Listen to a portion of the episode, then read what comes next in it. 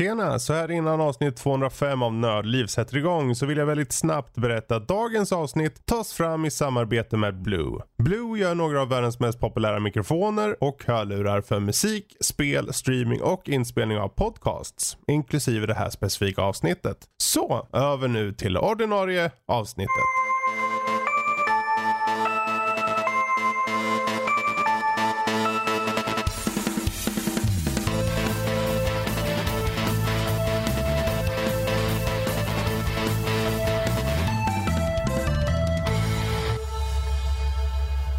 Hej och välkommen till Nördliv, en podcast om spel och nörderi av alla slag. Dagens datum är den 16 mars 2019 och det här är avsnitt 205. Jag heter Karl och med mig har jag Emil, Louise och Erik! Yay. Hello. Ja, Du, du sa mig högst gjorde du, men jag hade det sämst så här, eh, ja vad ska man säga, reaktion. Det är ja det skojigt. Du får säga som Gabriel. Gabby J. Yay. Nu fick du för, ett försök till i alla fall. Men oavsett så eh, veckans avsnitt ska handla lite smått, om lite smått och gott, bland annat Deep Space Nine. Eh, Emil har varit och sett en dokumentär, skapandet bakom Apocalypse Now. Jag har spelat ett spel som heter Left Alive. Eh, men mer om det senare. Vi hoppar väl eh, in och kollar läget lite på, på folket som är här. Eh, Det här får in- inte någonting som vi kanske ska dela med oss av, men det här försnacket som vi har haft innan vi började nu, det har ju varit minst sagt saftigt. Ehm, jag vet inte hur mycket vi ska lämna osagt där. Det kanske är bäst att bara låta det vara. Jag, tror jag tänker att det är någon finurlig jävel, jag kommer säkert klippa in någonting av det. Ja, kommer Fredrik här och bara, vi har faktiskt, vi har ju spelat in allting så att han kanske kommer och klipper det. Vem vet. Men vi Tänk om det kanske... blir jättedåligt det här klipper in. Vi har sagt saftiga just tala någonting som inte var så där fast fast lite roligt. Nej, det blev faktiskt inget alls om jag ska vara helt ärlig. Jag fick helt enkelt ta klipp in mig själv istället som den eh, egoistiska grisen jag är. Eh, för att när jag satt och lyssnade på försnacket så eh, det fanns godbitar men eh, vi får nog spara dem till en annan gång känner jag. Så det blir lite tråkigt. Han kommer bli besviken vår kära Erik av att eh, höra mig istället. Men å andra sidan, eh, man kan ju dra ett skämt typ hur många sexuella referenser får en låt innehålla? Det är en per vers. Ja, ja så jävla rolig var det inte. Men eh, som Erik nu strax säger så, så kommer det förmodligen inte vara så jävla roligt. Och mycket riktigt, det var inte så roligt. Chilivipp! Det vore väl skojigt det också, så har vi liksom eh, triggat här nu. Och inte nog med det, kommer inte det komma före det vi gör nu? Så vi pratar Ja, egentligen- det kommer för. det kommer, vi pratar Ja, alltså om det det nu egentligen, och de har ju redan hört det. Just det. Mm. Ja, det här blir knivigt. Men, Ja. Så vi pratar alltså om framtiden i det förflutna fast just nu.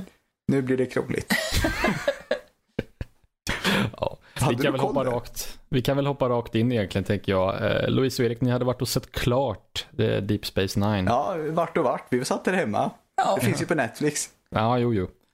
Ehm, Men, hur många eh, säsonger avsnitt finns det av Deep Fan, det var nio va, tror jag. Nio säsonger. det där tog du ur Ja, det röven. tog jag ur röven. Det kan vara sju också. Ja, jag får väl kolla Nej men det var själv då. sju eller? Ja, det är nog sju. Det kändes som att det var många i alla fall.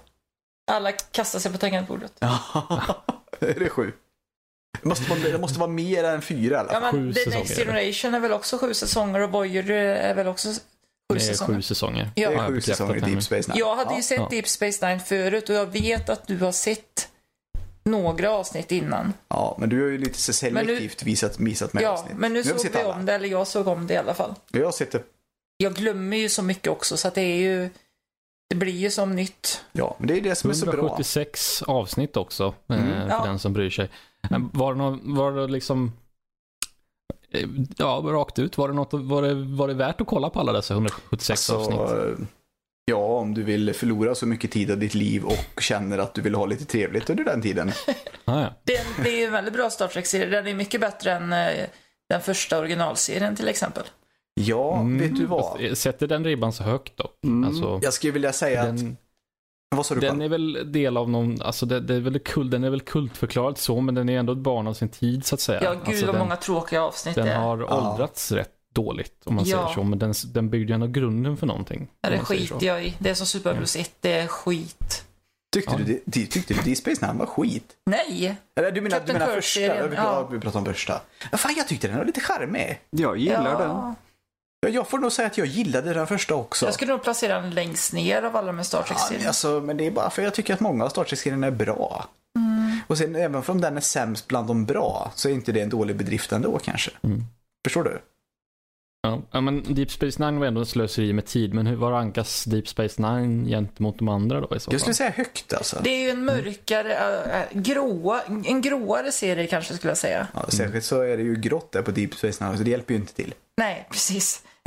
Nej men liksom eh, alla är inte eh, helt goda eller helt onda utan det kan vara lite varierande och det är uppfriskande tycker jag. Mm. Jo, att vad heter det, vissa karaktärer är lite, ja vad ska man säga, både onda och goda. Mm. Och så vandrar de lite däremellan så att säga, man vet inte riktigt. Som eh, han Garrick som spelas av din Min gamla favorit, favorit, eh, Andrew Robinson som spelar i Dirty Harry. Han spelar ju Mm. Han har gjort den bästa... Scorpio eller vet Ja, han? precis. Scorpio i... eh, En riktigt bra mördare. Jag hade ju inte sett den. Vi såg ju den nej, Dirty Harry och den var princip- riktigt bra. Ja, det är i princip den bästa onda människan i Ja. en eh, film. Det är det. Ja, Ja, det, sjuka Jag blev nästan förvånad att, att jaha, i Dirty Harry hittar vi den värsta onda människan i en liksom- fil- film någonsin. Alltså det är ju inte en skitfilm i sig.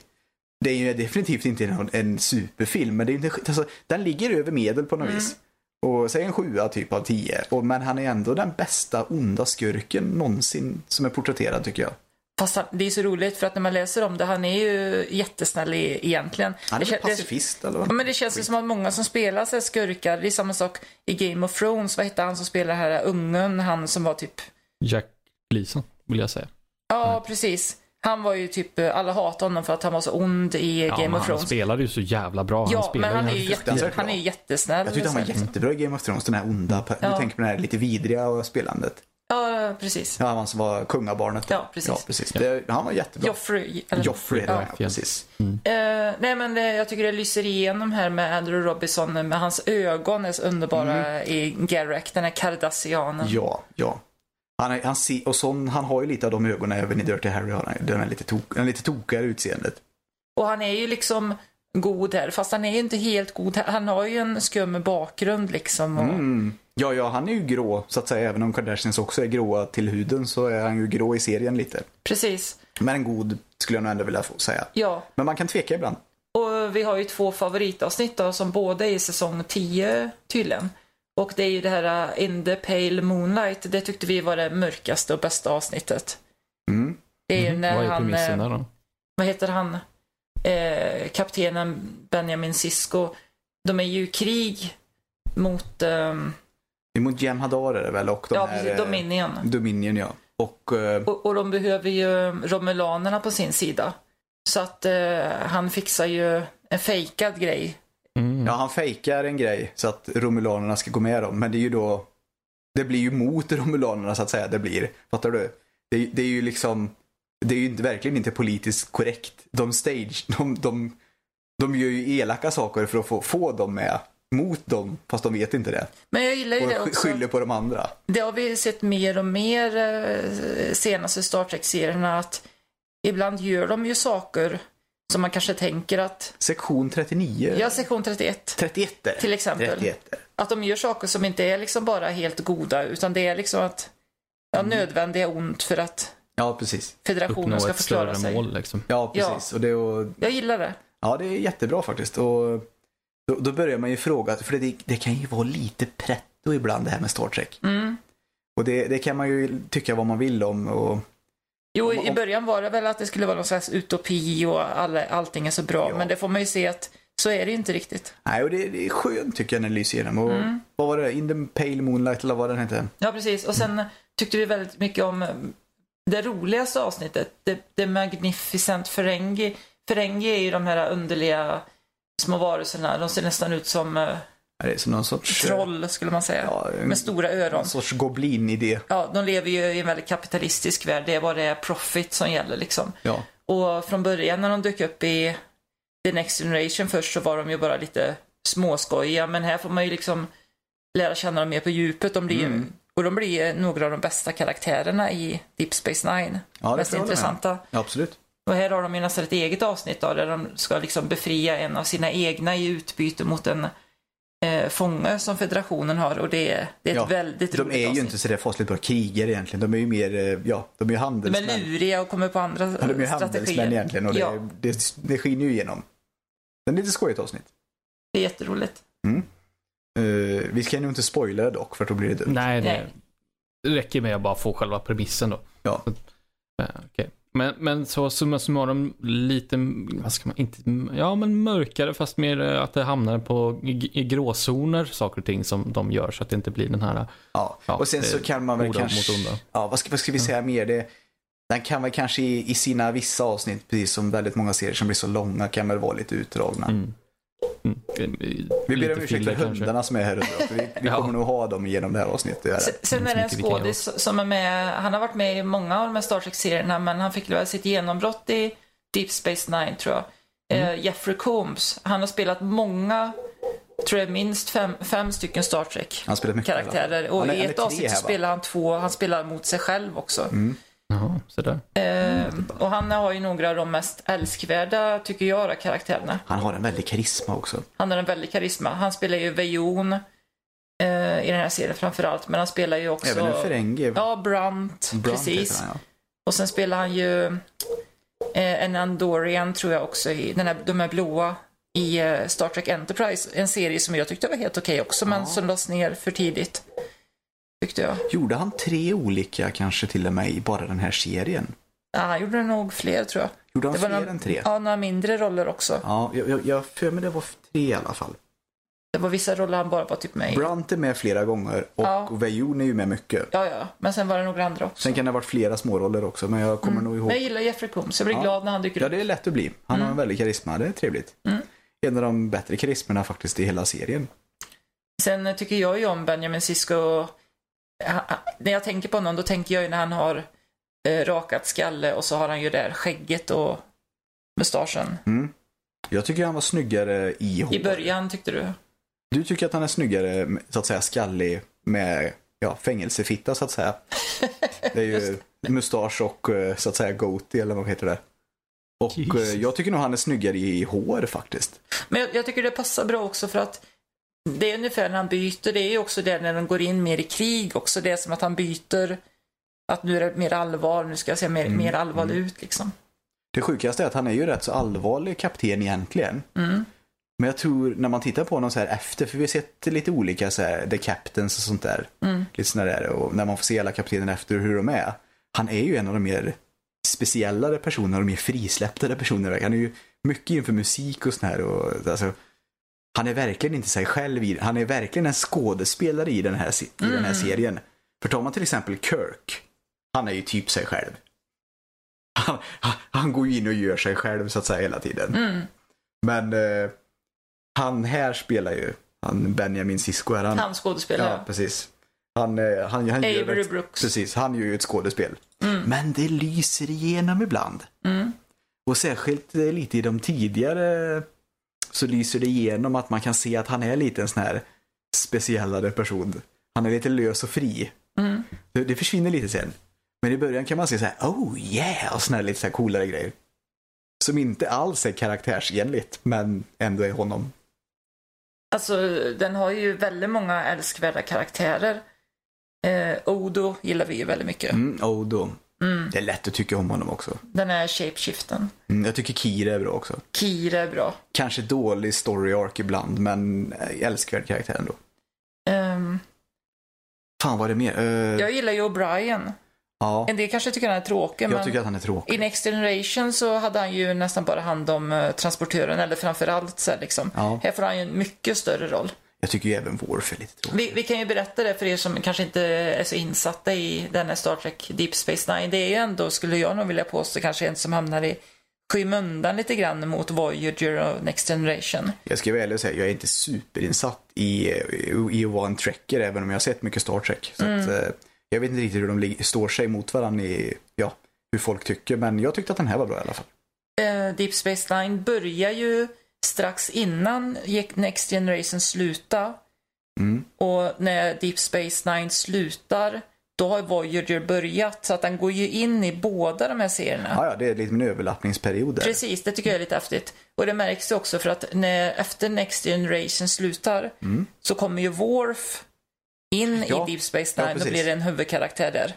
Mm. Och jag tycker ju om Worf väldigt mycket. Men Jadzia är så dålig. Ja, Jadzia är Som han spelade emot där också. Ja, Ja, skitsamma i alla fall. Jadzia och ehm, vad heter han? Um, Dr. Bashir tycker jag är tråkig också. Mm. Och Jake Sisko tyckte jag, Jag får var tråkig ändå också. säga att Bashir växer på mig. Ja, han blev bättre sen. Ja, Fast han ändå växer rätt på mig. tråkig. Nåja, ja, ja, i alla fall. Är det, Välkomna som till Star folk ska, Trek-podden. Ja, precis. är det här någonting som folk ska se eller ska man kolla, hellre kolla på någon annan, någon annan av serierna? I så nej, nej, nej, nej. Alltså, tycker du om Star Trek så är definitivt det här Ja. någonting att se.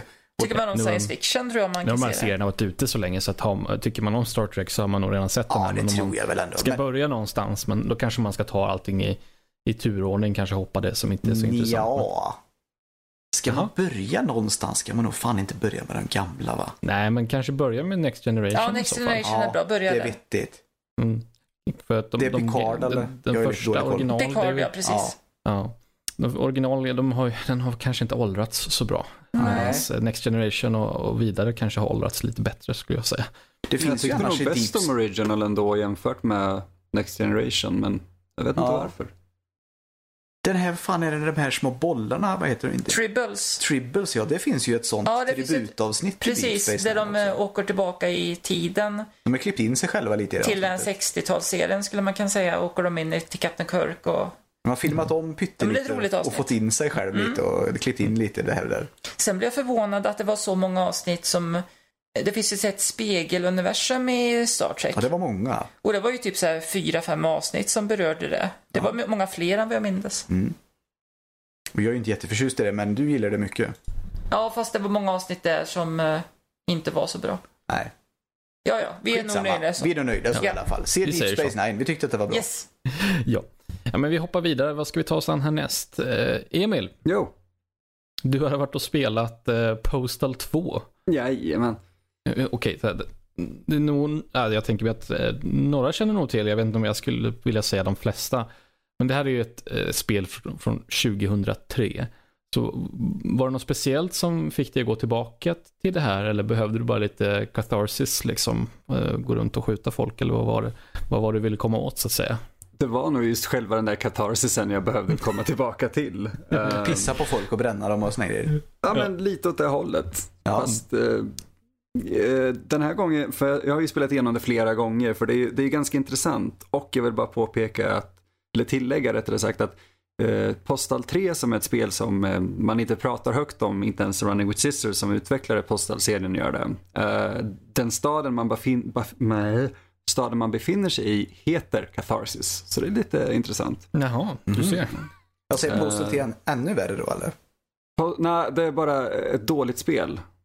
Det, det, Jaha, det jag, har- jag tänkte att det var ännu värre. Man liksom dribblar med barn på en fotbollsplan liksom och sån här. Och Alltså, sen det- sköt in dem i köttkvarnar eller någonting kanske. Det hade väl varit målet egentligen om det inte Ja. hade varit en katastrof eh, att utveckla Postal 3. Så mm, efter den katastrofen så har ju Running with Sisters egentligen sett till att uppdatera den här gamla Unreal 2-motorn eller fortsätta utveckla Postal 2 med den här gamla motorn eh, med nya tillägg och uppdateringar ja, Mm. ända fram till idag egentligen.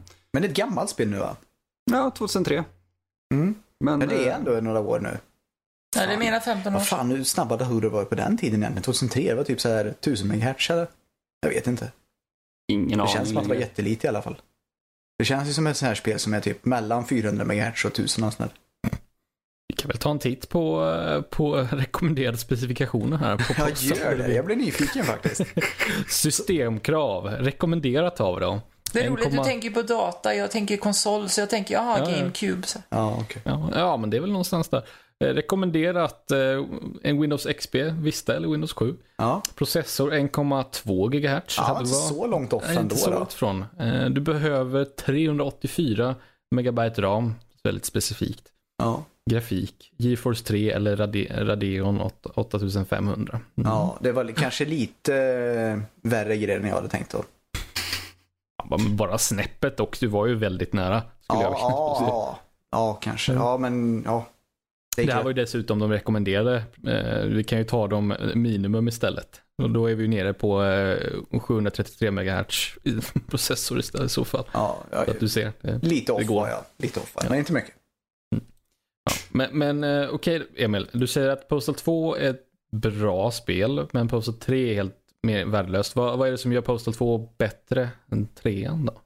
Funktionalitet. Ah, okej. Det är alltså, så enkelt. Ja, det är så enkelt. Vi behöver inte gå in på hela Postal 3 för det är en hel historia i sig. Men Mm. eh, Postal 2 är bra spel, vet jag inte om man skulle kalla det. Det är en jävligt subjektiv grej. Men det är också. Så- jag är det tror ett det. bra spel för dig?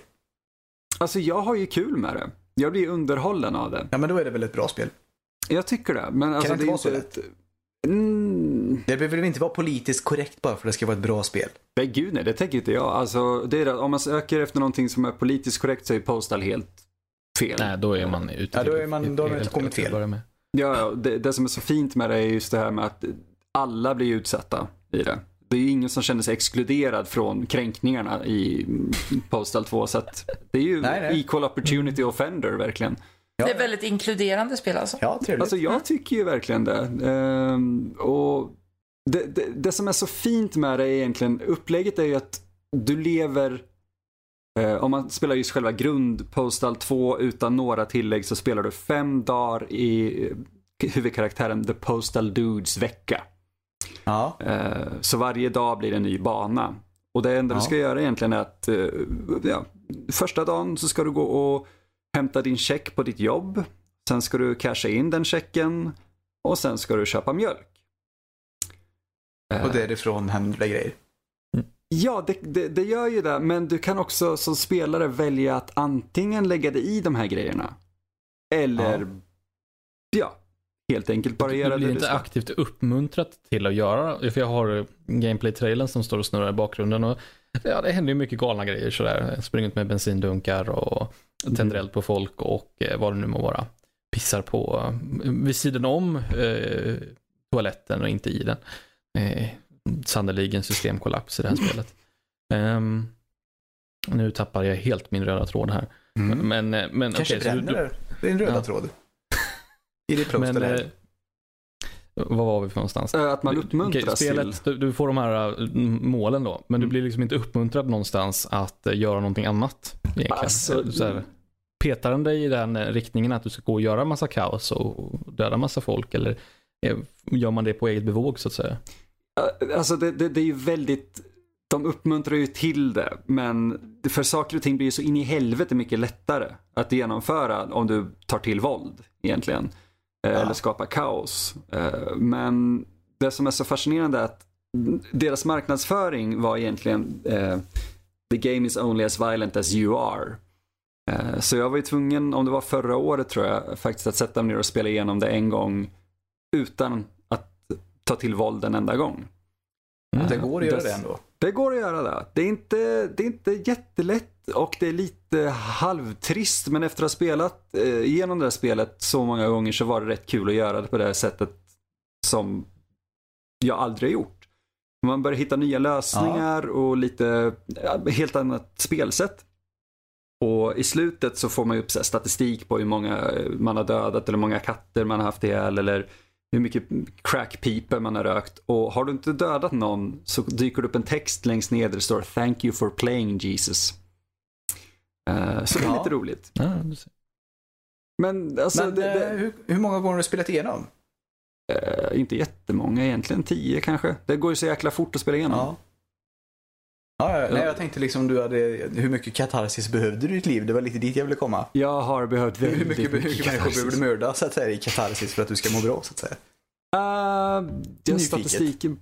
Ja, jag försöker komma ihåg min så här, top score på mest mördare genom en genomspelning, men jag kommer faktiskt inte ihåg det. Jag vet bara att jag har fått achievements för vilken ja, psykopat jag är egentligen. Ja. Och alltså, det, det, allting görs ju med tungan i, i, i kinden, man ska säga. Och det, Glimten i ögat kanske? glimten i ögat, ja, och Tungan i kinden var rolig. Ja, Mm. tongue in cheek tänkte jag. Jag växlar mellan språk hela dagarna. Ja. Men, ehm, Alltså jag skulle väl rekommendera folk som, eh, ja, okej idag, 2019 är det svårt att rekommendera det här till någon utan att säkert få någon på sig som blir upprörd för att man rekommenderar det. Ja, men det kommer du alltid få. Det är, Alltså, alltid, jag- det är alltid någon som är upprörd över någonting. Ja, ja, och den typen av kultur jag tar del av så brukar folk alltid bli upprörda någonstans. Ja, varsågod. Det, det är kul. Det är Nej, gratis men- att bli upprörd. Gratis Det är underhållning. gratis att bli upprörd, så du menar inte att det är värt någonting att någon blir upprörd? Nej, inte mycket i alla fall. Nej. Inte Nu blir egentligen. någon upprörd över det också. Kom ihåg det. Ja, Perfekt. de är så välkomna så. Ja, varsågod. Ja, det bjuder vi på, det är gratis. Ja, ja, det är gratis. Det var vi är här för. Att uppröra. Alltid. Nej, det är väl kanske inte bara, men, men eh, det är ju en- i alla fall en rolig del i det, att vi får uppröra lite. Ja, och jag tror att just typ Postal är en perfekt outlet för de som blir upprörda i så fall att ta ut sin upprördhet i. Mm. Eh, För Och de som blir upprörda av att vi säger det kanske inte kommer att göra det, och då får de förbli upprörda. fast de borde ju faktiskt verkligen ta tag i sin upprördhet och sen sätta den i, i Ja. vad ska man säga? Ja, helt enkelt använda sig av den i Paradise, som stan heter i tvåan. ja. Nu kom det en Men- länk. Jag hörde någon skrev där också. Våldsamt skrev på på den.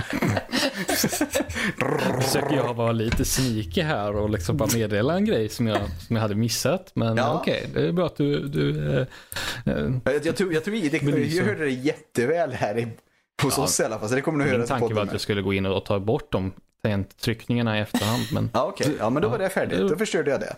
ja, det är bra att du belyser saker och ting Erik. Det, Ja, vi gillar trevligt. din ärlighet. Vi skickar hemliga meddelanden till varandra här. Ja.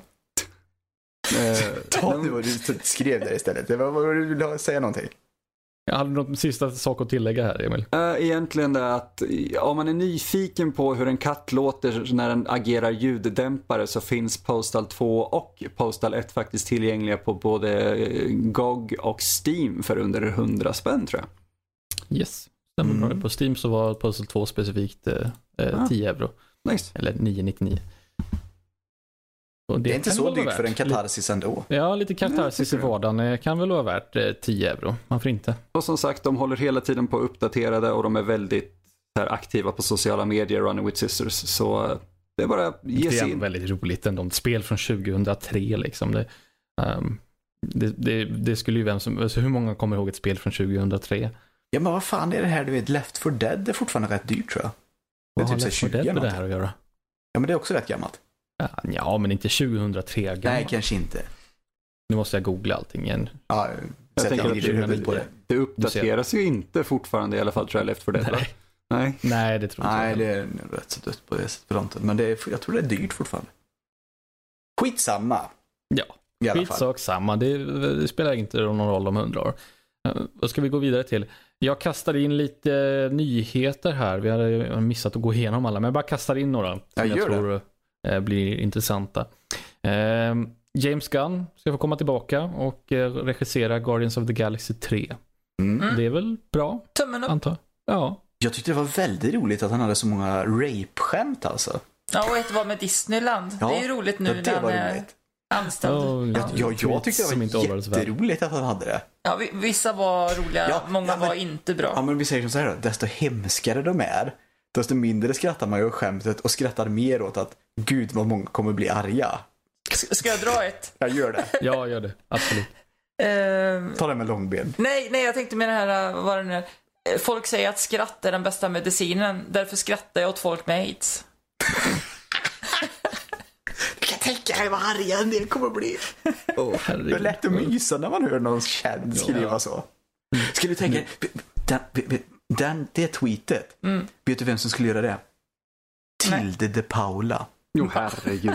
Det vore, det vore den bästa människan tror jag i hela världen. Skulle jag se det tweetet från Tilde de Paula, då skulle jag aldrig mer gå ledsen. Då tror jag hela mitt liv blev lycka fram tills jag dör. Även när du får aids. Om du får Det aids. spelar ingen roll. Om jag säger så här då. Skulle jag sätta sig i tortyrkammare, jag skulle dö lycklig ändå. Om Tilde de Paula drog det aids-skämtet. Skulle jag bli superlycklig. Oh god. För det första och främst skulle det knäcka TV4. Och sen har jag fått en liten feeling av att Tilde de Paula arbetar väldigt aktivt med att vara en väldigt politiskt korrekt människa. Så jag skulle göra mig Du ser ju aldrig på TV4. Nej. Jag ser aldrig Tilde de Paula heller nästan. Men Det känns som att det vore rätt på något vis. Det känns som att det är mitt i prick tvärtom på något vis. Ja, skitsamma. Ja. Ja. Han ska komma tillbaka och det är väl bra i alla fall. Ja. För vem vet som skulle, vad som skulle hänt om eh, han inte kom tillbaka. Och det var väl ingen som var intresserad av att ta över och regissera trean heller för den delen. Inte för att så här, eh, Guardians of the Galaxy 1, 2, det är ju såklart bra filmer. Det är väl ingenting som, um, så här, som kommer ligga i någon, någon slags eh, topp 100 filmer av århundradet direkt. Men, Nej. men det kanske skulle vara svårt att leva upp till dem om det inte var James Gunn som skulle regissera. Och sen var det väl flera skådisar från de här Guardians-filmerna som var upprörda också, missnöjda. Mm. Det kan jag också tänka mig. Ja, det är en liten, uh, liten tight grupp där. Vore det inte väldigt roligt nu om de eh, liksom hade tänkt att, ja men eh, typ, oj, ändrade planer, det kommer kanske inte bli några fler Guardians-filmer. Så vi Mm. liksom typ dödar av dem i Endgame eller någonting, flera stycken. Och så, oj, hur ska vi göra nu? Nu har vi spelat in Endgame, nu kommer ju flera av dem dö. Så här, liksom. Jaha. Ja, men det fixar vi nästa. Om det kommer kontrakten in och säger att nej, så här får man inte göra. För de var, kontraktet så skulle de göra si och så många filmer till och sådär. Mm. Bryter Får de hitta på något kreativt där. Måste de betala massa vite? Något Ja, kreativt löser de det med. Det är väl ofta det dör folk här- istället. Det funkar ju. Är det inte många ofta det dör folk i superhjälte och Marvel och allt det andra skiten och så kommer de tillbaka? Ja, jo det är väl kanske lite av en superhjälte-trope sådär. Ja, att de liksom dör och så kommer de tillbaka. Ja, i fake dör lite grann. Ja, men det ska vara lite allvarligt sådär och så, fast det är inte så allvarligt. Fast Nej, ja, precis. Trissa upp det lite, hela, dramatiken lite grann. Men det, det finns inga men ändå inte. stakes egentligen. Det var därför jag gillade Ultimate eh, Marvel-universumet. För det dog hjältarna och så kom de typ inte tillbaka. dog folk höger till På höger och riktigt, vänster. det var som Game of Thrones i... eh, Ja, men Spiderman dog ju. Det var ju då den här andra Spiderman, Miles Morales, kom och ersatte honom till Ja, exempel. du ser. Alltså ingenting har hänt. Ja, I praktiken Det- det- det så finns ju Spiderman fortfarande. Liksom. Det, det sket ju dig i näven tycker jag lite, men... Ja. Ja, ja.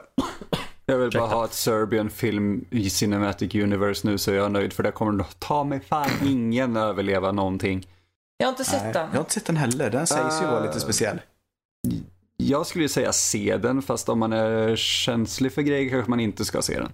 Jag gillar ju egentligen inte allt för grova grejer. Då ska du inte Jag, se jag läste någon slags eh, sammanfattning av den filmen. Jag kände mig nöjd där. Ja, det räcker med att få allt saker och ting beskrivet för mig. Så, Ja. så blir det bra så. Nej, jag tror jag klarar mig också. Ja. Mm. Det, det, jag känner Jag är så här, nyfiken. snuff och sånt där ser jag inte heller liksom. det. Jävla skitfilmer. Ja, Ja, så det var det. James Gunn tillbaka. Vad tar vi härnäst? Mm. Ja, jag kan ju lite snabbt gå in på ett spel som jag har börjat spela som ska bli en recension. Eh, vanligtvis brukar vi inte ta upp spel som inte har är färdigrecenserade men nu skiter jag i det här för det är så jävla kast det här. Eller, ja, Mm. nu tar jag i. Nu tar jag i och överdriver men det är, det är rätt så jävla kexigt det här spelet. Det är Left Alive. Och eh, det, nu vill jag påstå att det var från Square Enix. ja. Ja, utvecklare, Square Enix, just det. Och även utgivare, samma sak där, Square Enix.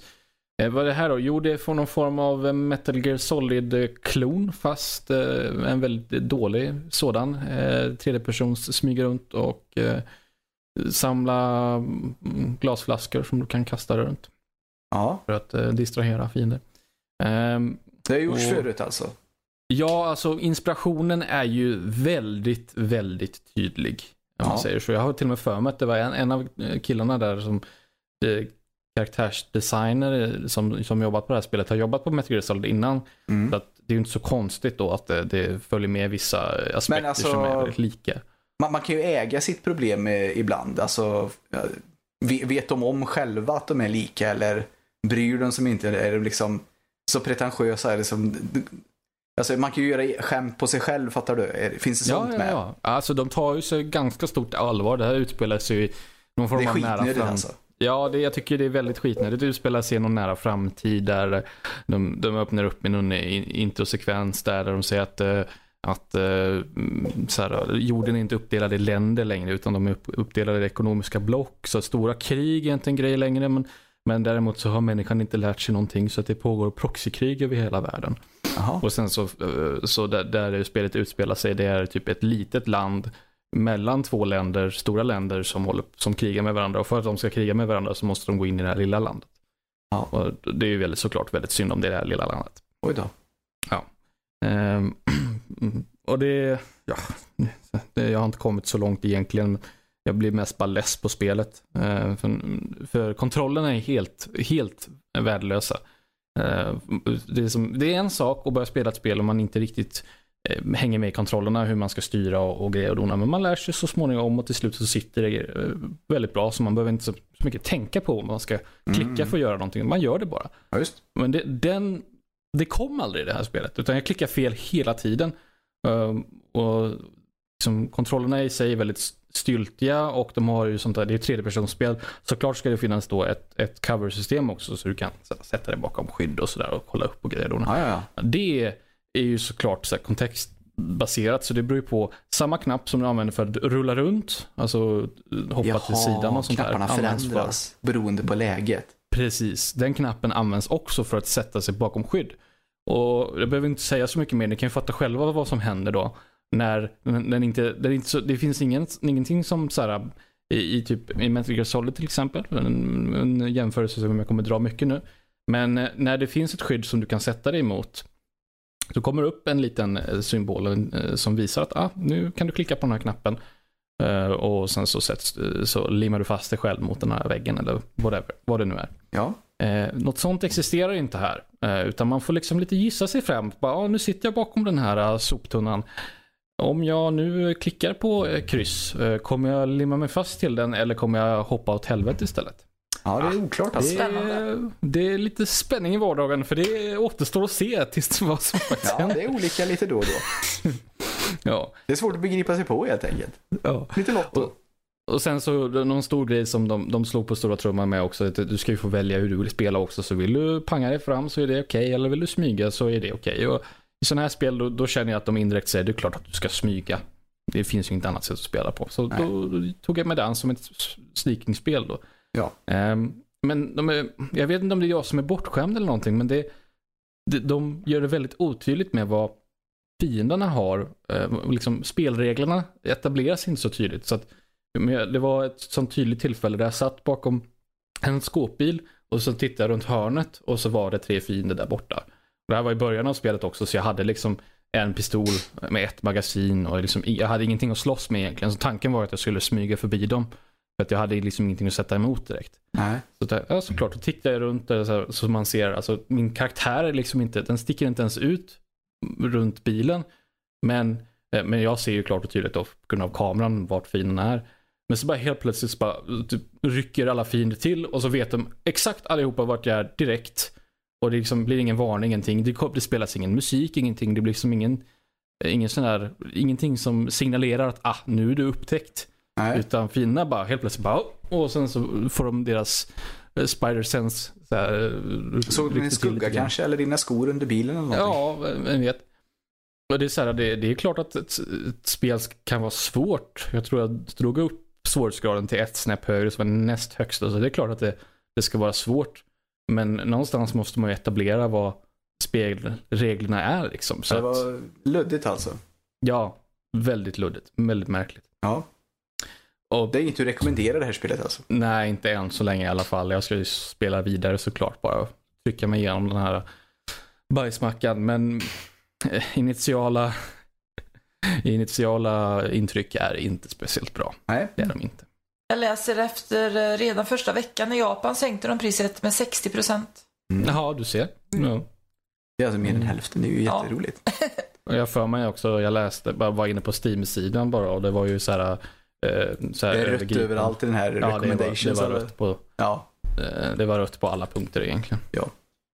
Det är inte, ja, men väldigt negativa recensioner. ja, då, då brukar det gå åt helvete för det. Alltså det är ju nästan ont i mig. Jag ser den här fina artworken som jag förknippar så med Metal Gear Solid och så ser jag på den här bajsmackan. Ja, det är Mm. trist. Väldigt trist faktiskt. Eh, Det står 17% av eh, 327, eller 328 användarrecensioner är positiva. Resten är, ja. Så att jag väl inte ensam att tycka nej, att nej, det här det är spelet är sällskap sisådär. så att säga. Ja, precis. Ehm, så att det, ja, det är mycket märkligt. Ehm, sen att jag inte spelar det på min hemmaplattform så att säga. Jag fick ju det till eh, PS4, det kanske inte hjälper. Just att kontrollerna är Det är lite klonkigt så. alltså. Ja. Kanske hade gått bättre att sikta och sånt där om man hade haft en mus. Men Nu är det bara jag som är, eh, som, som är jobbig att säga. Ja, men det är lugnt. PC Master Race får leva också i den här världen. Ja. Ska vi bara flika in en liten, det är fånig sak att säga egentligen. Ja. Men den här veckan så firar jag och Erik två år i Nördliv som officiella medlemmar. Är det så var det med? Ja. Ja, Mm. se där. Jag tror faktiskt, apro- apropå det att ni säger det, jag tror att eh, det är någon gång nu eh, runt mars som, som jag har så här jubileum i Nördliv. Ja, det är Och nu är ett det års väl då, ändå... eller? Jag vill ändå påstå, jag, jag kan ju kolla på min LinkedIn för där har jag skrivit att jag... Det kanske är två års också då. Eh, Jag, jag kan tro att det är fem år vid det här laget. Du har varit med mycket längre än oss. Det kanske du har. Eh, nej, nej, jag skojar bara. Fyra år och en månad. Okej. Mm. Det kändes som att jag hade varit med mer än dig. Ja, Vad hemskt Fyra jag var. år. Var det kändes det inte för mig. 2015. Nej. Så, Men kul eh, att det kändes för dig. Ja, men det är för att han är ung. Alltså, Ja. Du tänker så. Helt jättefel egentligen. Det var roligt Men, tänkt. eh, Ja. Grattis på jubileumet, eh, Ja, tack så ni mycket. och jag får vi väl säga då i så fall. Ja, Jag kan sitta och applådera i min ensamhet. Eller... ja gör det. Ja, men du har väl varit med ett bra tag snart också, Emil? Uh, Jag ett och ett tio år halvt nu år, säger ett och ett halvt år, ja precis. Ja. Jag har, jag har koll. Ja, Ja. jävlar. Ja, men äh, lämna Left Alive för jag tycker, ja, det är, jag, jag får spela vidare men det är inte bra. Inte bra. Mm. Vad ska vi ta härnäst? Ja, eh, Emil, du hade varit och sett en dokumentär, alltså skapandet bakom Apocalypse Now och den dokumentären heter Hearts of Darkness.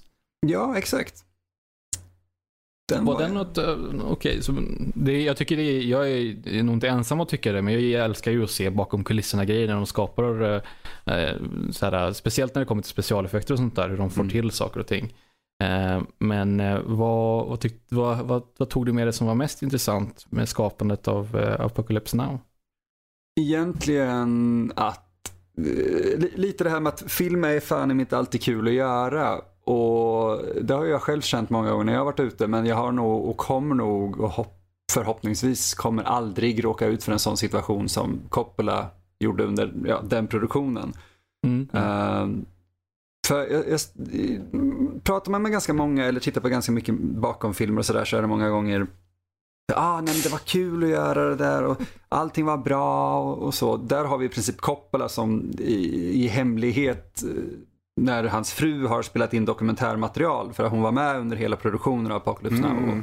All right. filmade bakom grejer som delvis dokumentären är ihopsatt av. Eh, Och så har de filmat och spelat in ett samtal där han säger att det- är lika bra att jag bara skjuter mig nu.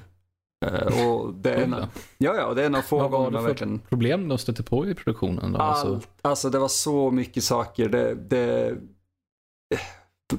för det första finansierade ju familjen Coppola hela produktionen själva.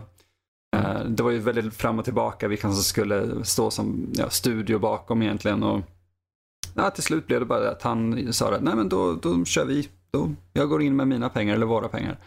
Mm. Och eh, det blev ju alltså över budget och över tid och det, det är sanslöst egentligen att den filmen blev färdig. Men det var ju sets som rasade samman under, vet du det, typhones och grejer. Ja, ja, Eh, På Filippinerna som var inspelningsplatsen. Eh, och militären som lånade ut helikoptrar och utrustning eh, höll på att slåss mot rebeller i bergen. Så att mitt under en tagning så kunde det vara så att när de filmar just den här Apocalypse Now-kända sekvensen med helikoptrarna och Wagner. Mm. Ja. Eh, under de scenerna där, eller den scenen, så när de filmade så kallades helikoptrarna bort flera gånger för att slåss mot alltså, en rebellstyrka. Eh, och det drog ju ut på tiden. Alltså det, det är fascinerande att se just hur nära gränsen man kan komma innan man eh, alltså, knäcker sig själv som människa bara för att man försöker göra en film.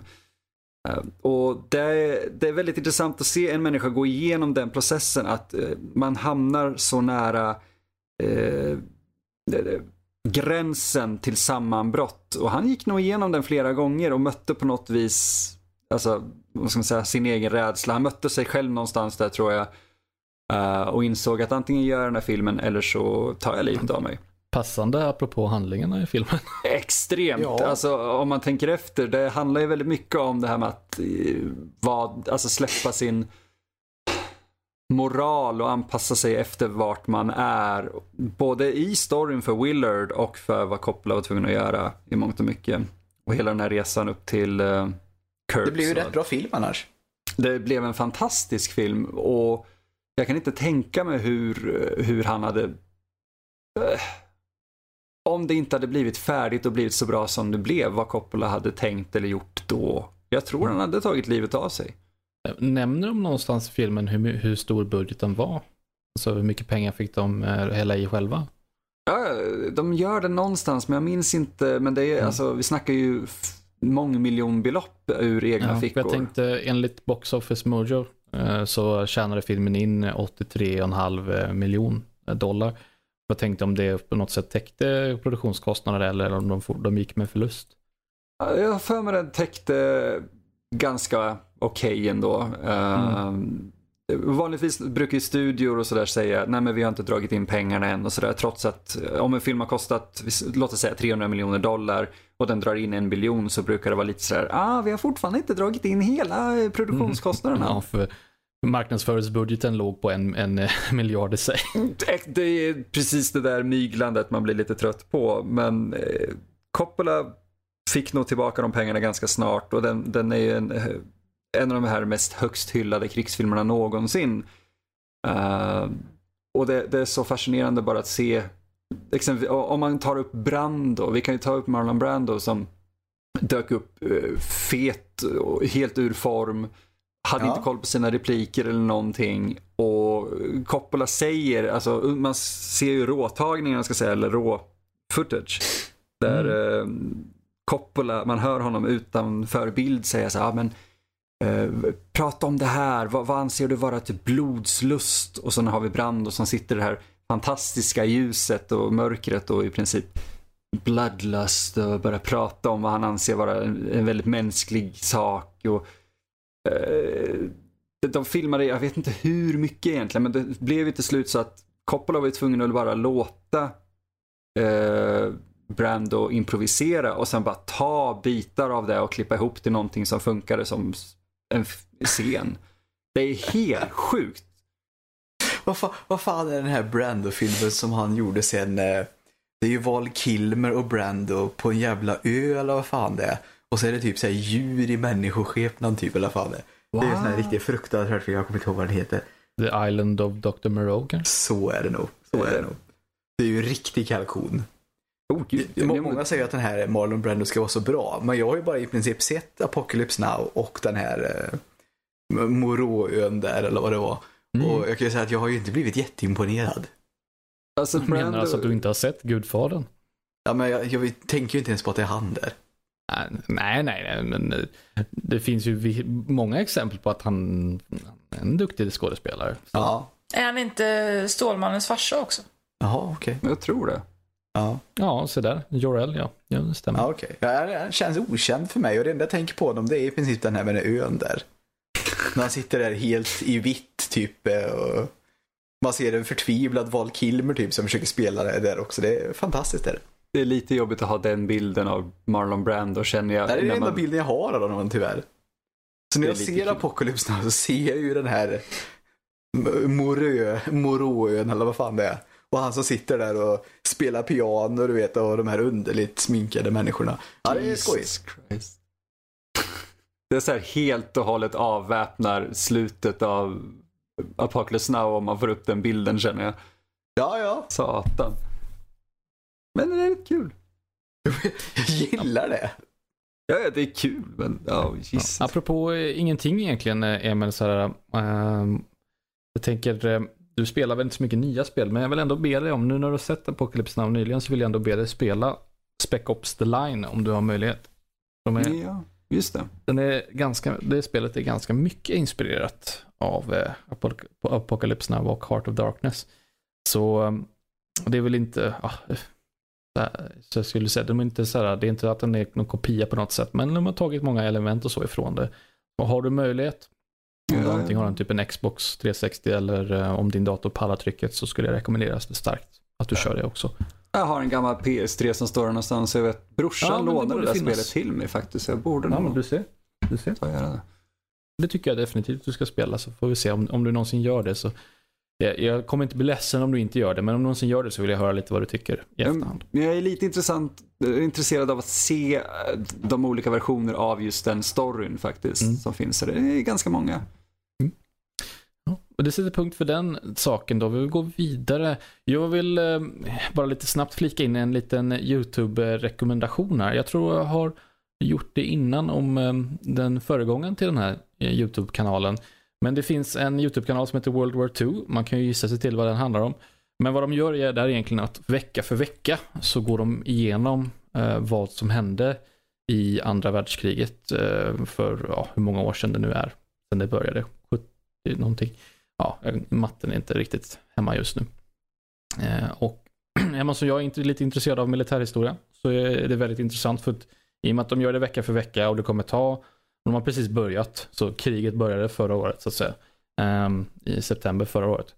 Så att då, då kan, har man ju möjlighet att gå in på väldigt mycket saker i detalj, vilket, eh, hur stort man än nu gör vissa av de här dokumentärerna, hur långa de än blir och så vidare så blir det svårt då, då är det lätt att missa saker och ting. Men i det här formatet så får de med väldigt mycket saker. Eh, Så det, det rekommenderas starkt om man eh, uppskattar militärhistoria. Gå och se på den. Mhm. Nu var det bara det lite kort. Vad kan vi hoppa vidare till? Hade vi inte Mm. veckans diskussion också snart eller? Ja, men det kommer vi till om en liten stund. Okej. Eh, Men vi kan ta sista saken där, som sista punkten på Emil. Han hade sett en eh, filmtrilogi som heter Feast. Ja, jag är mig. Ja. Ehm, Var det så illa alltså? Alltså, det där, jag, jag, jag är bara tvungen att så här, yttra mig lite grann om dem. För vi, vi kommer ju ha ett kultpoddavsnitt om de där filmerna. Men Mm. det, det, det, oh, de är verkligen så illa. Eh, första filmen är i princip en, en, en, och det här är väldigt kul. Det är ju en lågbudgetvariant av lågbudgetklassikern från Dusk till Dawn. Folk som blir instängda på en bar och behöver slåss mot saker i princip.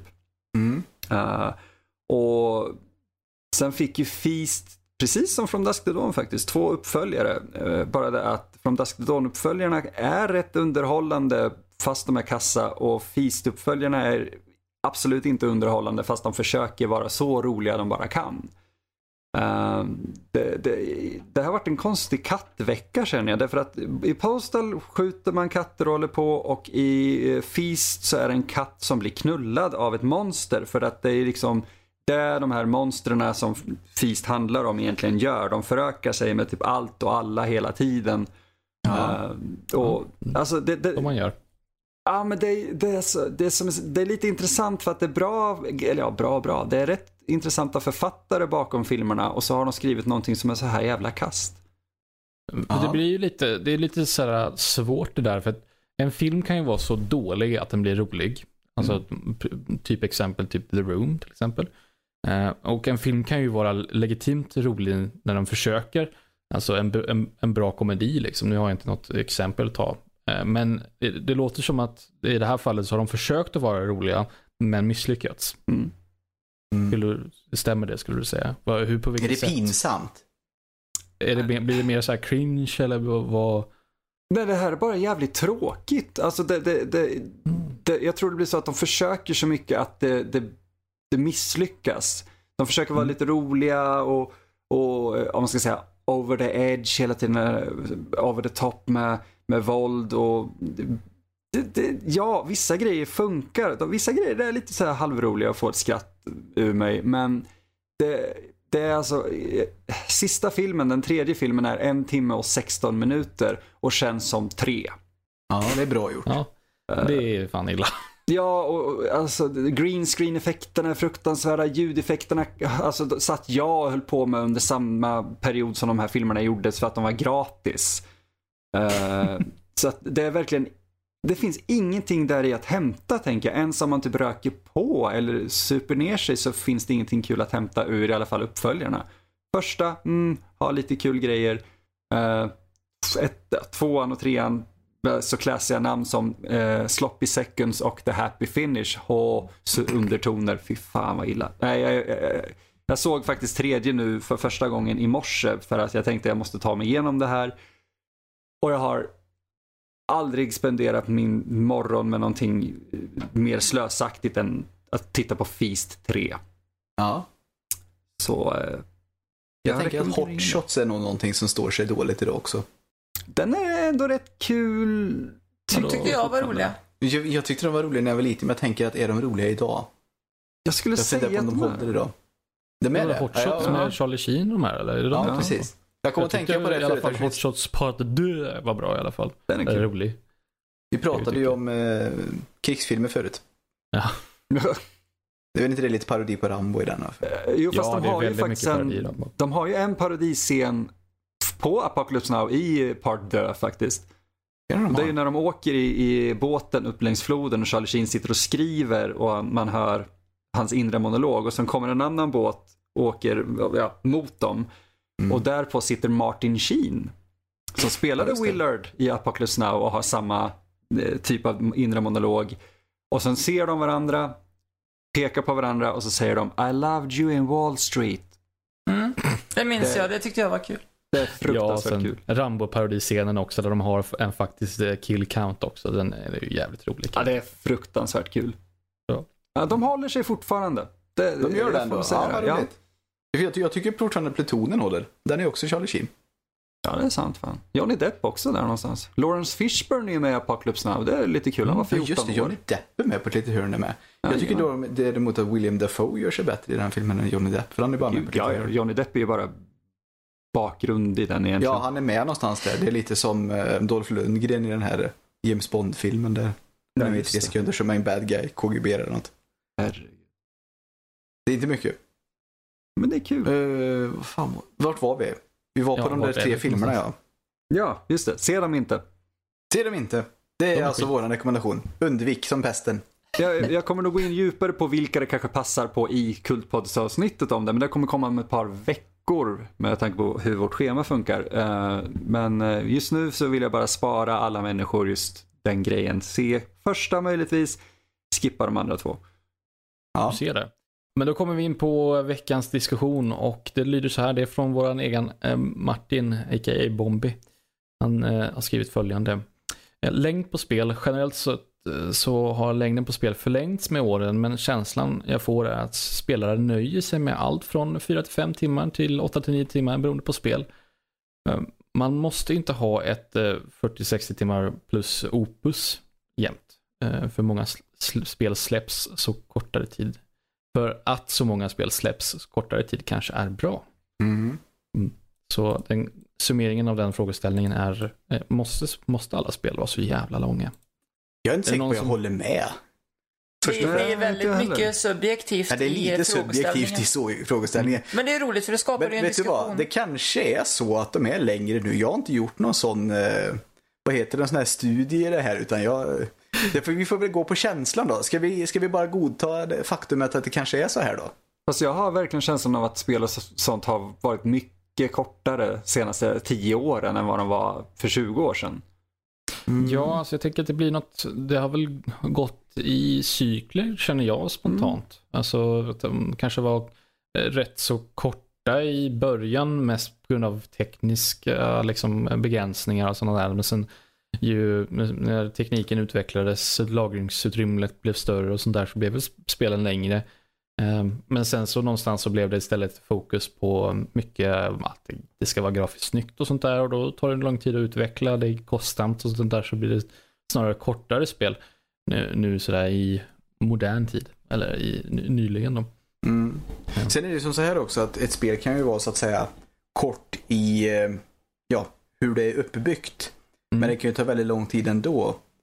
Som till exempel, eh, ja vad heter det här jävla ninja-spelet? Eh, Heter det Ninja Gaiden? Ninja Gaiden. Ninja Gaiden. Mm. Det, det, är ju, det kanske inte är världens längsta spel egentligen, men för helvete att försöka Tänker du klara på det. Ninja Guiden på NES nu? Nej, det var så svårt Ja, det så var det var därför det svårt. tog så lång Ja, tid. men det, men det var ju en grej på den tiden att spelen skulle vara svåra så det tog längre tid att klara av dem så man kände att man fick lite mer eh, valuta för pengarna. Ja, och det är lite dit jag vill komma. Det finns ju spel som man kanske inte ens kan klara av nästan som vanlig dödlig och då känns de ju helt galet långa även om de är korta.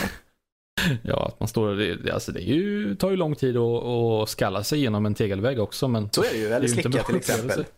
Eller så kan det vara typ ett spel som man kanske kan klara av på 20 timmar fast vill man hitta allting kanske det tar 100 timmar till. Om man vill Eller hitta precis 200 allting. kanske i ditt fall. Eller? Ja. Jo, men är inte det lite definitionen av typ sådana här open world-spel? Ta exempelvis då Postal 2 som jag spelade igenom. För, jag, för mig tog det bara ett fåtal timmar och så var jag igenom det på en typ mellansvårighetsgrad. Men Mm. jag kan ju också sitta och spela det i alltså, dagar bara för att det finns så mycket saker att göra. Ja, just det. så storyn är kort, men precis som GTA. Så mycket att utforska. Ja, Mycket exakt. att göra. Precis. Men för, för att gå tillbaka till själva frågeställningen så anser jag att, jag att spelen behöver inte vara långa alls. Alltså, um, i och med att, speciellt nu när jag är i den positionen med man får ta sig an många olika spel och um, ja, det är begränsat med tid på saker och ting. Sådär. så, gör det, så gör det absolut inte mig någonting att spelen är lite kortare. För att uh, då håller det sig hela mer fräscht rakt igenom. Då behöver de inte sträcka ut och fylla spelet med saker som är alltså bara mer busy work och, och dödtid.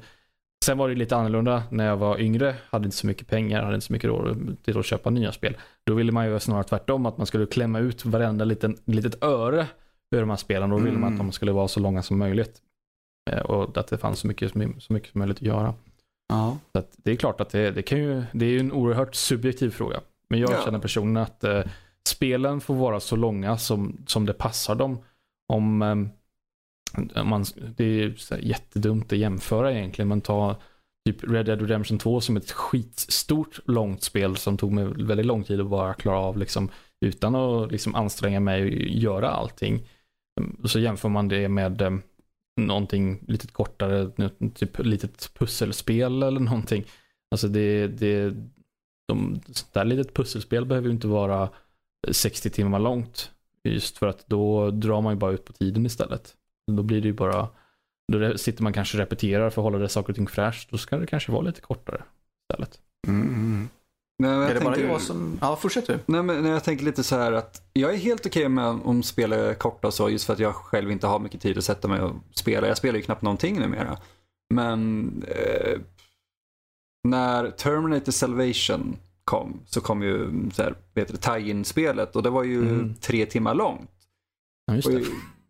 och jag är helt okej med om ett spel med ett narrativ är tre timmar långt om det inte är fullpris. Ja, just det. Mm. Eh, det kan jag helt och hållet gå med på. Men hade spelet däremot varit eh, ja, en tie-in med, utan bonusgrejer men kanske varit 12 timmar och kostat fullpris, då hade jag varit helt fine med det. Mm, Så det är ju lite vad man är ute efter men jag känner att det är lite girigt att kanske begära 600-700 spänn för någonting som är under 8-9 timmar. Och det var väl egentligen bara single player-del också? Eller fanns det någon form av påhäftad multiplayer på det spelet också? Vågar inte svara på det här faktiskt. Nej. Ja, okej. Ja. Men jag menar, ska vi kolla lite vad det ska kosta ungefär per timme då, om vi säger så? Jag menar, tar vi en film till exempel, eller vad tar de här Marvel-filmerna? Mm. Är de två timmar eller ungefär? Ja. Cirkus. Det är ju väldigt olika. och så får du väl betala en, två, vad är det, två och en halv. 120 spänn eller någonting för en bio eller? Ja, något sånt. Så det kostar 60 kronor i timmen då. Mm. För, den, för det mediet i alla fall. Mm. Och ett spel brukar ju generellt vara billigare för det finns så långa spel. Mm, Så även om de kostar krona, om man- 60, 60 då, gånger 10, det blir ju 60, så de ska vara minst 10 då. Mm. Timmar då. För att åtminstone komma upp i filmvärldens eh, värde då. Ja, om man tar Louise som exempel. Hur, hur, Mm. hur, vad, vad, hur ser din eh, krona per timme ut på, på Breath of the Wild till exempel? Ja, det måste Ja, det vara blir- billigt alltså. Ja, det blir ju typ en krona per timme då. Mm, Ja, ja, du ser. det är ju rätt bra faktiskt. Beroende på... Nej, det var mindre än en krona. Jag la ju nästan 700 timmar på det. Mm. Ja, ja, du ser. Ja, jag hade väl en 2500 timmar på Payday 2. Så jag Eller i och för sig, då ingick ju... Jag köpte ju DLC också till det. Då blir det ju kanske 700 totalt eller något. Ja, ja, men jag menar, ja, vi ser det som så att vi ser det per timme. Mm. Så måste jag säga att eh, om det håller sig vid 2-3 kronor så är det per timme så är det ju inte farligt egentligen. Nej. Nej. Sen Jag är ju tänker- tid pengar också, så att det kostar ju en del tid. Ja, fast du får ju tänka på ändå, vi spelar ju inte spel för att arbeta, så jag menar, vi Nej. spelar ju spel för att ha roligt. Ja. Så det är väl ändå positiv tid på något vis. Jag, jag känner att vissa spel skulle, precis som vissa filmer, vinna på att kortas ner lite kanske, behålla det, ta bort dödtiden om man säger så. Mm. Mm, mm, Komprimera det också. till en bättre spelupplevelse kanske. För att en del saker i spelet känns bara som att det här har de liksom bara lagt till för att spelet ska bli längre. Det stör inte mig. Jag kan ha lite separationsångest när jag spelar spel som är bra och de ska börja ta slut. Mm. Jag, jag, kan, jag kan känna att jag samlar massa spel på hög och jag känner ibland att det här spelet är kul men jag vill bli klar med det snart så jag kan gå vidare till nästa spel. Känner du så? Jag känner precis tvärtom. Hoppas det inte tar slut snart. Mm. Känner jag mera. Det är liksom typ, åh nej, det här har varit jättebra. Och så blir det så här, uh, uh, ska jag spela vidare? Snart kommer det ju ta slut. Jag, jag vet, det senaste jag kände så riktigt ordentligt var ju det här uh, Last of Us. Då hade jag lite separationsångest. Ja, det kan jag däremot förstå. Absolut. Jag ville inte att det skulle ta slut. Jag, jag, jag förstod att det skulle börja ta slut där i slutet så att säga. Jag förstod att det var nära slutet när slutet kom så att säga. Jag kände som med Skyward Sword, Zelda. Ja, det, det tyckte jag var för himla bra. Ja, du ser det. Ibland kan det vara positivt att de drar ut lite på det också. Det kan, den här separationsångesten jag ibland kan känna i alla fall, du med då kanske, kan ju då, man kan häva den lite genom att det blir lite tråkigare nästan. Fattar du? Man, man liksom lättare släpper det ifrån sig lite. Som en relation som har varit bra men som ändå stagnerat och blivit dålig, förstår du? Mm. Ja, den separationsdagen sen hade jag lite när jag spelade klart eh, The Witcher 3. Ja men du och klarade alla ser. expansioner och sånt där. Ja, ja. Då var det så här, ja, man skulle kunna börja om men jag har ju redan sett allting så det är kanske bättre att man väntar. Man väntar ett år eller två, sen kan man kanske spela om det istället. Mm. Jag sitter och tittar, men men det är ju faktiskt en bra poäng att säga det där, jämföra lite med film och sånt där och se valuta för pengarna. Jag tittar, CS är inte ett bra exempel för jag har spenderat ganska mycket pengar på skins och, och Ja, men, men tänk inte så mycket på det. Hur, mycket, hur många timmar har du spelat CS? Eh, 1600. 1600. Och så hur mycket har du spenderat på CS? Vågar du vara ärlig nu? Ja, jag kan vara ärlig, men ge mig en sekund så ska jag leta upp det för det är lite krångligt att ta Ja, men fram. säg cirka då ungefär. Och jag kommer Höfta inte- till lite. Det är några tusen lappar eh, vi ska se här. Du, du. Ja, det låter ju som att du har några tusenlappar. Det är kanske tre kronor i timmen då. Vi ser 12, 1263 dollar och 95 cent. Ja. Kan du ta det i svenska? Jag är lite dålig på huvudräkning just nu. Jag är lite trött. Eh, det, nu ska vi se. En sekund, en sekund. Jättebra podd Roger. Eh, det... Du, säck. Yes. 11 600. Ja. Vet du vad? Då, då kommer många säkert typ ta sig för pannan nu och tänka det Ja. här var det värsta jag hört. Eh, Tänker De där nu. siffrorna är lite, lite skeva dock. Eh, för att jag, ehm, det, de, de räknar ju, nu ska vi se, för jag eh, fick, nu kommer jag inte ihåg hur jag fick den om jag vann, jag tror jag vann en kniv, eh, typ med via betting eller något sånt där, eh, Mm. på matcher och sånt. Som jag sålde och köpte andra skins eh, som jag ville ha då. Eh, och de är ganska dyra. Så att de där, den där siffran är lite skev egentligen. Ja, men vi, vi, kan vi säga sju då? 7000 Ja. spänn. Ja, det är Kan vi bara uh, höfta till lite på 7000 spänn när du lagt på CS? Ja, det skulle nog vara lugnt. Ja. Ja. Om vi, det om vi säger det då så har du spelat 1600 timmar. Ja, Det är inte helt värdelöst. Vad fan kan det bli? Typ så här, ja, typ 5 kronor, 6 kronor i timmen kanske. precis.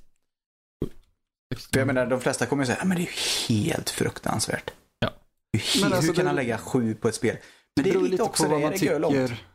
Men det är också sådana små mikrotransaktioner också, så det har blivit lite pö om pö. Man köper en nyckel Ja, ja, ja. nyckel Ta någon annan jävel som håller på att spela såna här kasino och, och nätpoker och sånt där. Du vet. Jag tror du ligger rätt bra till ändå. Så nu kommer ju folk skriva in och säga du är en del av problemet Karl. Med så här mikrotransaktioner, men jag tror att eh, CS är nog det enda spelet som jag har spenderat om den typen av pengar. vet du vad? Om du vill vara en del av problemet, då får Ja. du det. Gud, jag, jag tänkte en hemsk tanke precis. Ja, gör det. Tänk om det skulle komma en sån här Zelda-spel med mikrotransaktion. Ja, jag skulle ju bli ruinerad. Det skulle du. Jag skulle ju köpa Jag skulle nog få ta allting. alla dina kritikkort ifrån dig. Jag skulle få omyndigförklara dig för att inte vi ska gå i bank, bank och konkurs och allt det där. Jag har en lila outfit, den har jag inte sett. Nej, men jag oh, måste en ha alla. lila, den måste jag, måste jag också. Så måste ha alla säger du. Men då måste jag ha en bag of holding som kostar Ja. typ 5000 spänn. Ja, då var det färdigt. Ja, har vi någon direkt i, med tigerränder också, sån måste man ju. Precis, och nu kom det kattöron här typ så här till Link. Ja, men det, är- det är väl värt 500 spänn. en gång. Ja, Ja. kläder till hästen och... ja, precis. Hästen kan ha en monokel och hög hatt. Då, eh, det är nog värt 500 det med. Sen har Såld. vi ju eh, raka motsatsen mot det. Jag har ju ett spel som heter Men of War Assault Squad. Det köpte jag på rea för typ så här en spottstyver kan det vara. Mindre än 10 euro var det i alla fall. Mm. Men väldigt lite och det har jag 351 timmar i. Mm. Så där har vi ju bra valuta för pengarna. Om Jajamän. man säger så. Så att det, det är väl lite, det är lite olika där va? Ja, ja, ja. Alltså, jag, jag är ju också, jag får säga att jag, jag har ju aldrig gjort det här med mikrotransaktioner, men jag, jag, det var för några, vad var det nu? En, Har du inte köpt det Payday? Ja, det var, ja, men det, det är inte mikrotransaktioner. Jag köper ju till grejer till spelet. Det är inte typ så här skins. Mm. Det är mer, jag får grejer i spelet, riktiga grejer i spelet. Men, Riktiga grejer i spelet, okej. ja, jo, men du förstår vad jag menar. Det, det, blir, det blir inte liksom bara en, en rolig hatt. Eller typ en skojig mustasch. Det det finns content. mycket sånt i det spelet också. Ja, det kanske det är. Skitsamma i alla fall. Jag vet att när jag, jag gjorde mitt smutsigaste i alla fall. Mm. Ja. Det var väl eh, när jag bröt det här på riktigt tyckte jag i alla fall själv. Då var när jag köpte lootboxes till Payday 2. Oh. Där, där kände Det jag mig så. minns jag. Ja, då kände mig till, eh, du har inte köpt några lootboxes till Overwatch alls alltså? Ja, men det var det jag menade. Ursäkta. Ja. Ursäkta. Ja, jag tänkte Nej, jag vet inte ens om det finns lootboxes. Jag tror inte det fanns i Payday 2. Skitsamma, det jag menar var Overwatch. Det var då jag Ja. kände mig som allra smutsigast Jag i mitt minns liv att du sa fall. att vi hade köpt lootboxes så att du kände det smutsigt. Ja, ja. Det, det, det var nog, det, det var mitt sämsta ögonblick. Men jag, jag kunde inte låta bli. En annan spel som jag spenderat mycket pengar på det är Hearthstone också. Nu har jag lagt ner med det för att jag tyckte det blev, det blev för mycket. Men där har jag också spenderat kanske, inte riktigt så mycket pengar, men kanske en 150 euro eller något sånt där Nej. tror jag. Jag, jag, om vi, är- när vi är ändå in, inne på det här då med smutsighet. Mm. Jag kan ju säga att jag, när jag började spela, jag spelar inte Pokémon Go längre. Jag spelade i typ ett och ett halvt år eller någonting. Ja, det var ju rätt länge ändå. Ja, men i början tänkte jag att jag ska inte spendera en enda krona, men Har du gjort det? Har du ja, berättat? no- några hundralappar har jag nog lagt. Ja, du har berättat för mig. Vad roligt. Ja, men- du ju såklart. Jag Här tänker inte säga ifrån dig detta här. Ja, men, det, ja, men så jag kan ha mer inventory och så Ja, ja, ja. och köpt lite små grejer. Ja, men Ja, det ja, gjorde ja. jag till slut ändå. Så. Ja, ja, okej. Det berättade du aldrig för mig. Vad roligt att Nej. det kommer fram nu.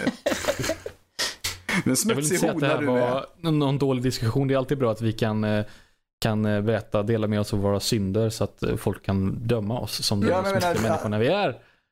Men, Han, han spelar ju, vad heter det, det här Postal för Katarsis och vi pratar Ja, om hur smutsiga vi är här nu. Det, vi har, vi har olika utlopp. lite till, till frågeställningen då. Så, eh, är, det bra, alltså, är det bra med kortare spel och sådär så skulle jag väl säga att, att spelen ska vara så långa som de passar dem.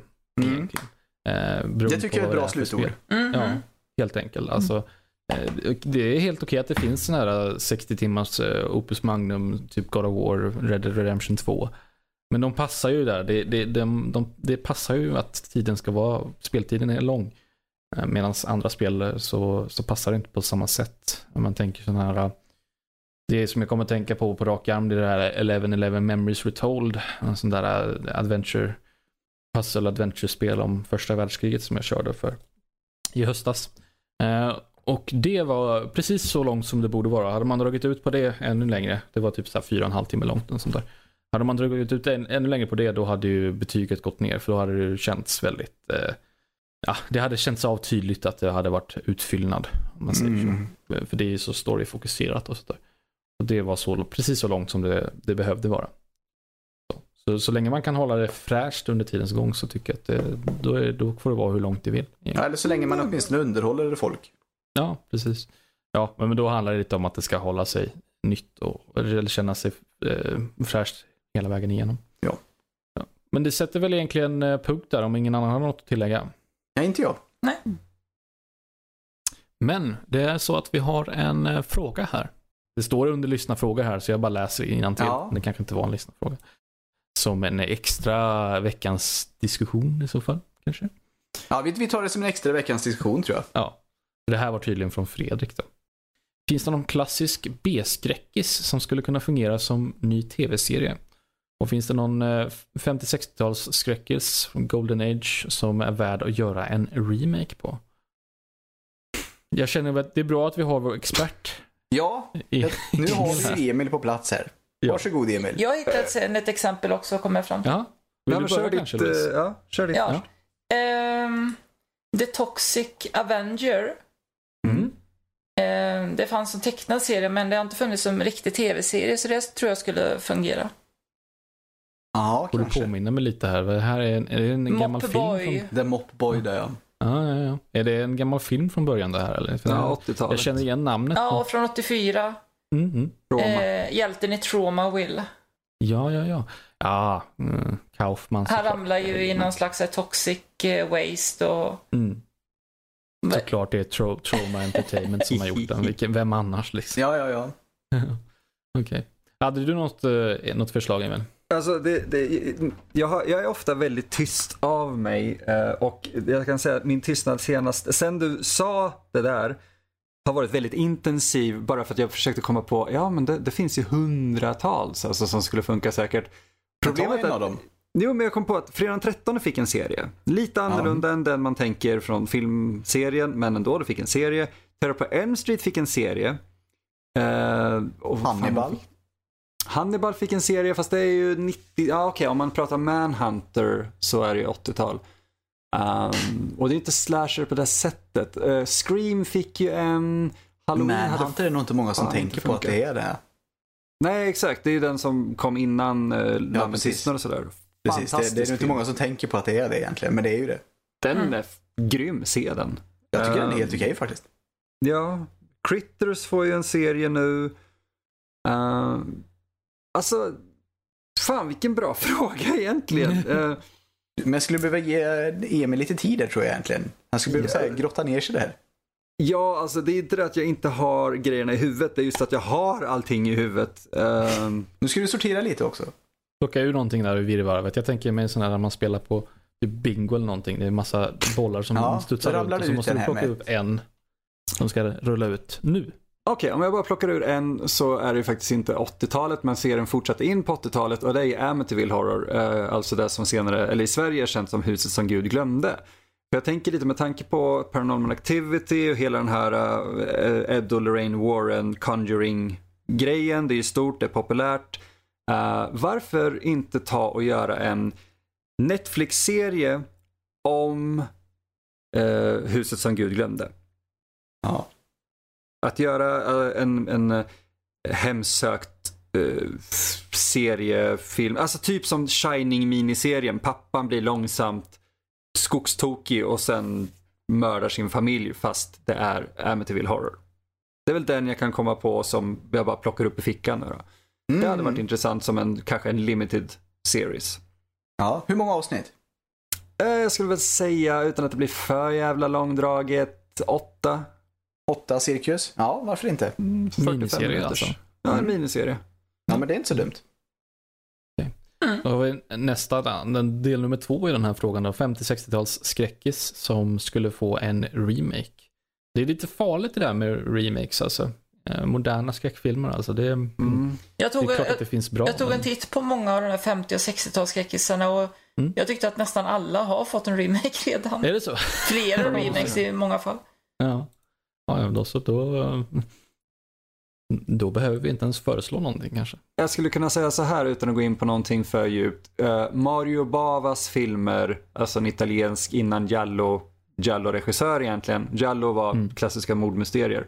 Att man skulle kika lite närmare på vissa av Bavas filmer i så fall då och uppdatera dem för en modern publik. Och det tror jag skulle göra succé faktiskt.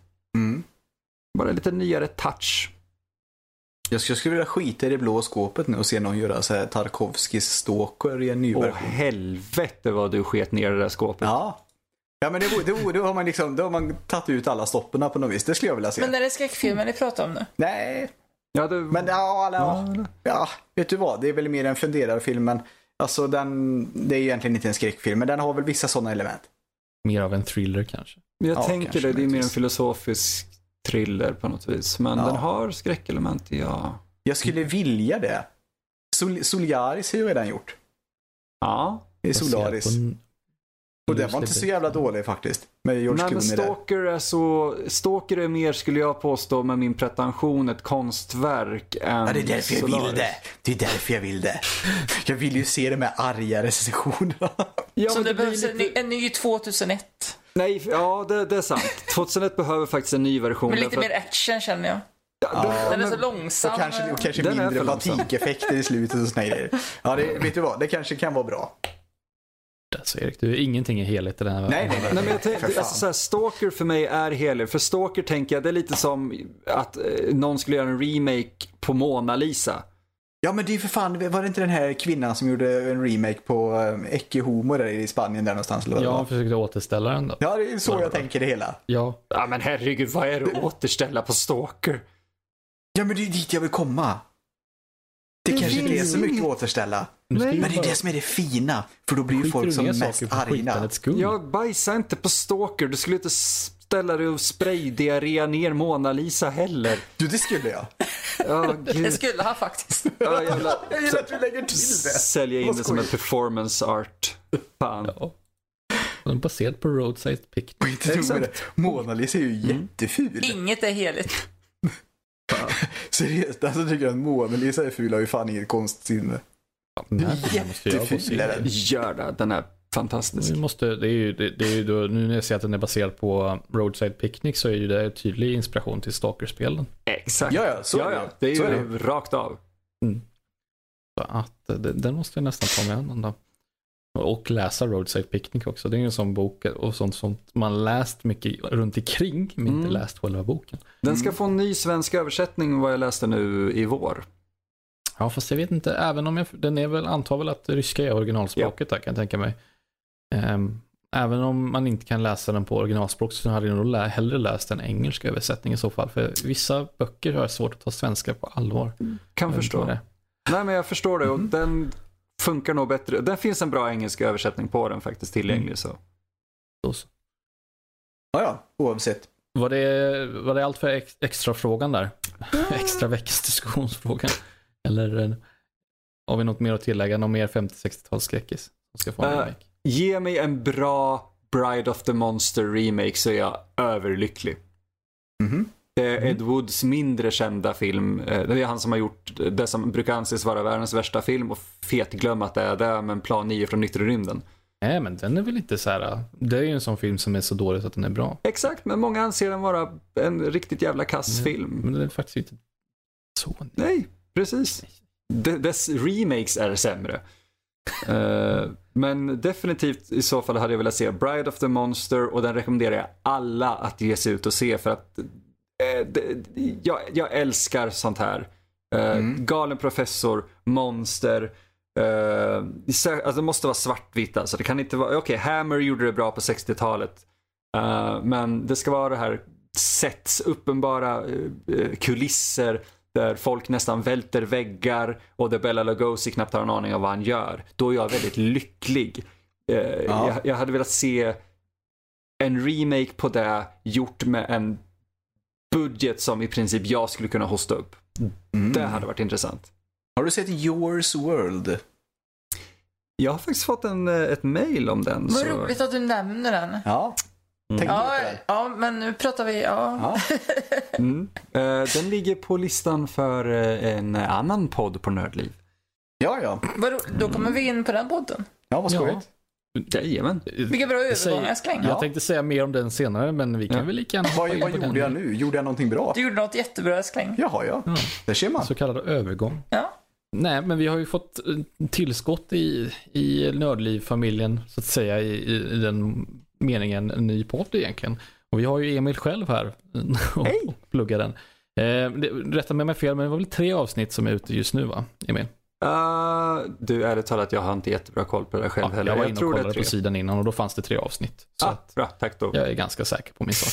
Men vad heter den då? Kultpodden? Kultpodden med C.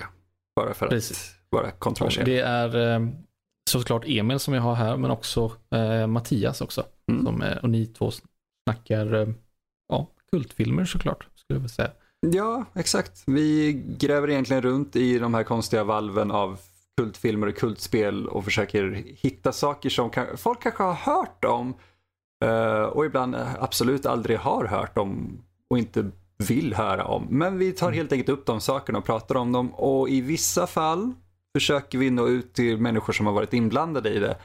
Eh, så det är rätt intressant Mm. grej att hålla på med. Och som ett litet axplock därifrån, första avsnittet handlar om en eh, film som jag aldrig hört talas om. Men den heter i alla fall Hollywood Chainsaw Hookers. Ehm, så då förstår man lite vilket, vilken nivå vi ligger på här. Jajamän. Och på, på tal om trauma så måste jag bara säga då, att vi har ju faktiskt eh, månadens traumafilm också varje månad. men sådär, ja. Ja. Får inte glömma brott, trauma. Nej, nej, nej, nej. Fan heller. Ja. ja, men eh, det är såklart att folk ska gå och eh, lyssna på Kultpodden och det är väl egentligen oavsett om man är in, eh, insatt i, i de här typerna av filmerna eller inte för att jag tycker det var oerhört intressant att, och eh, titta på sådana här jävligt udda filmer. Eller ly- lyssna på rättare sagt. Ja, tack så mycket. Jag- Alla.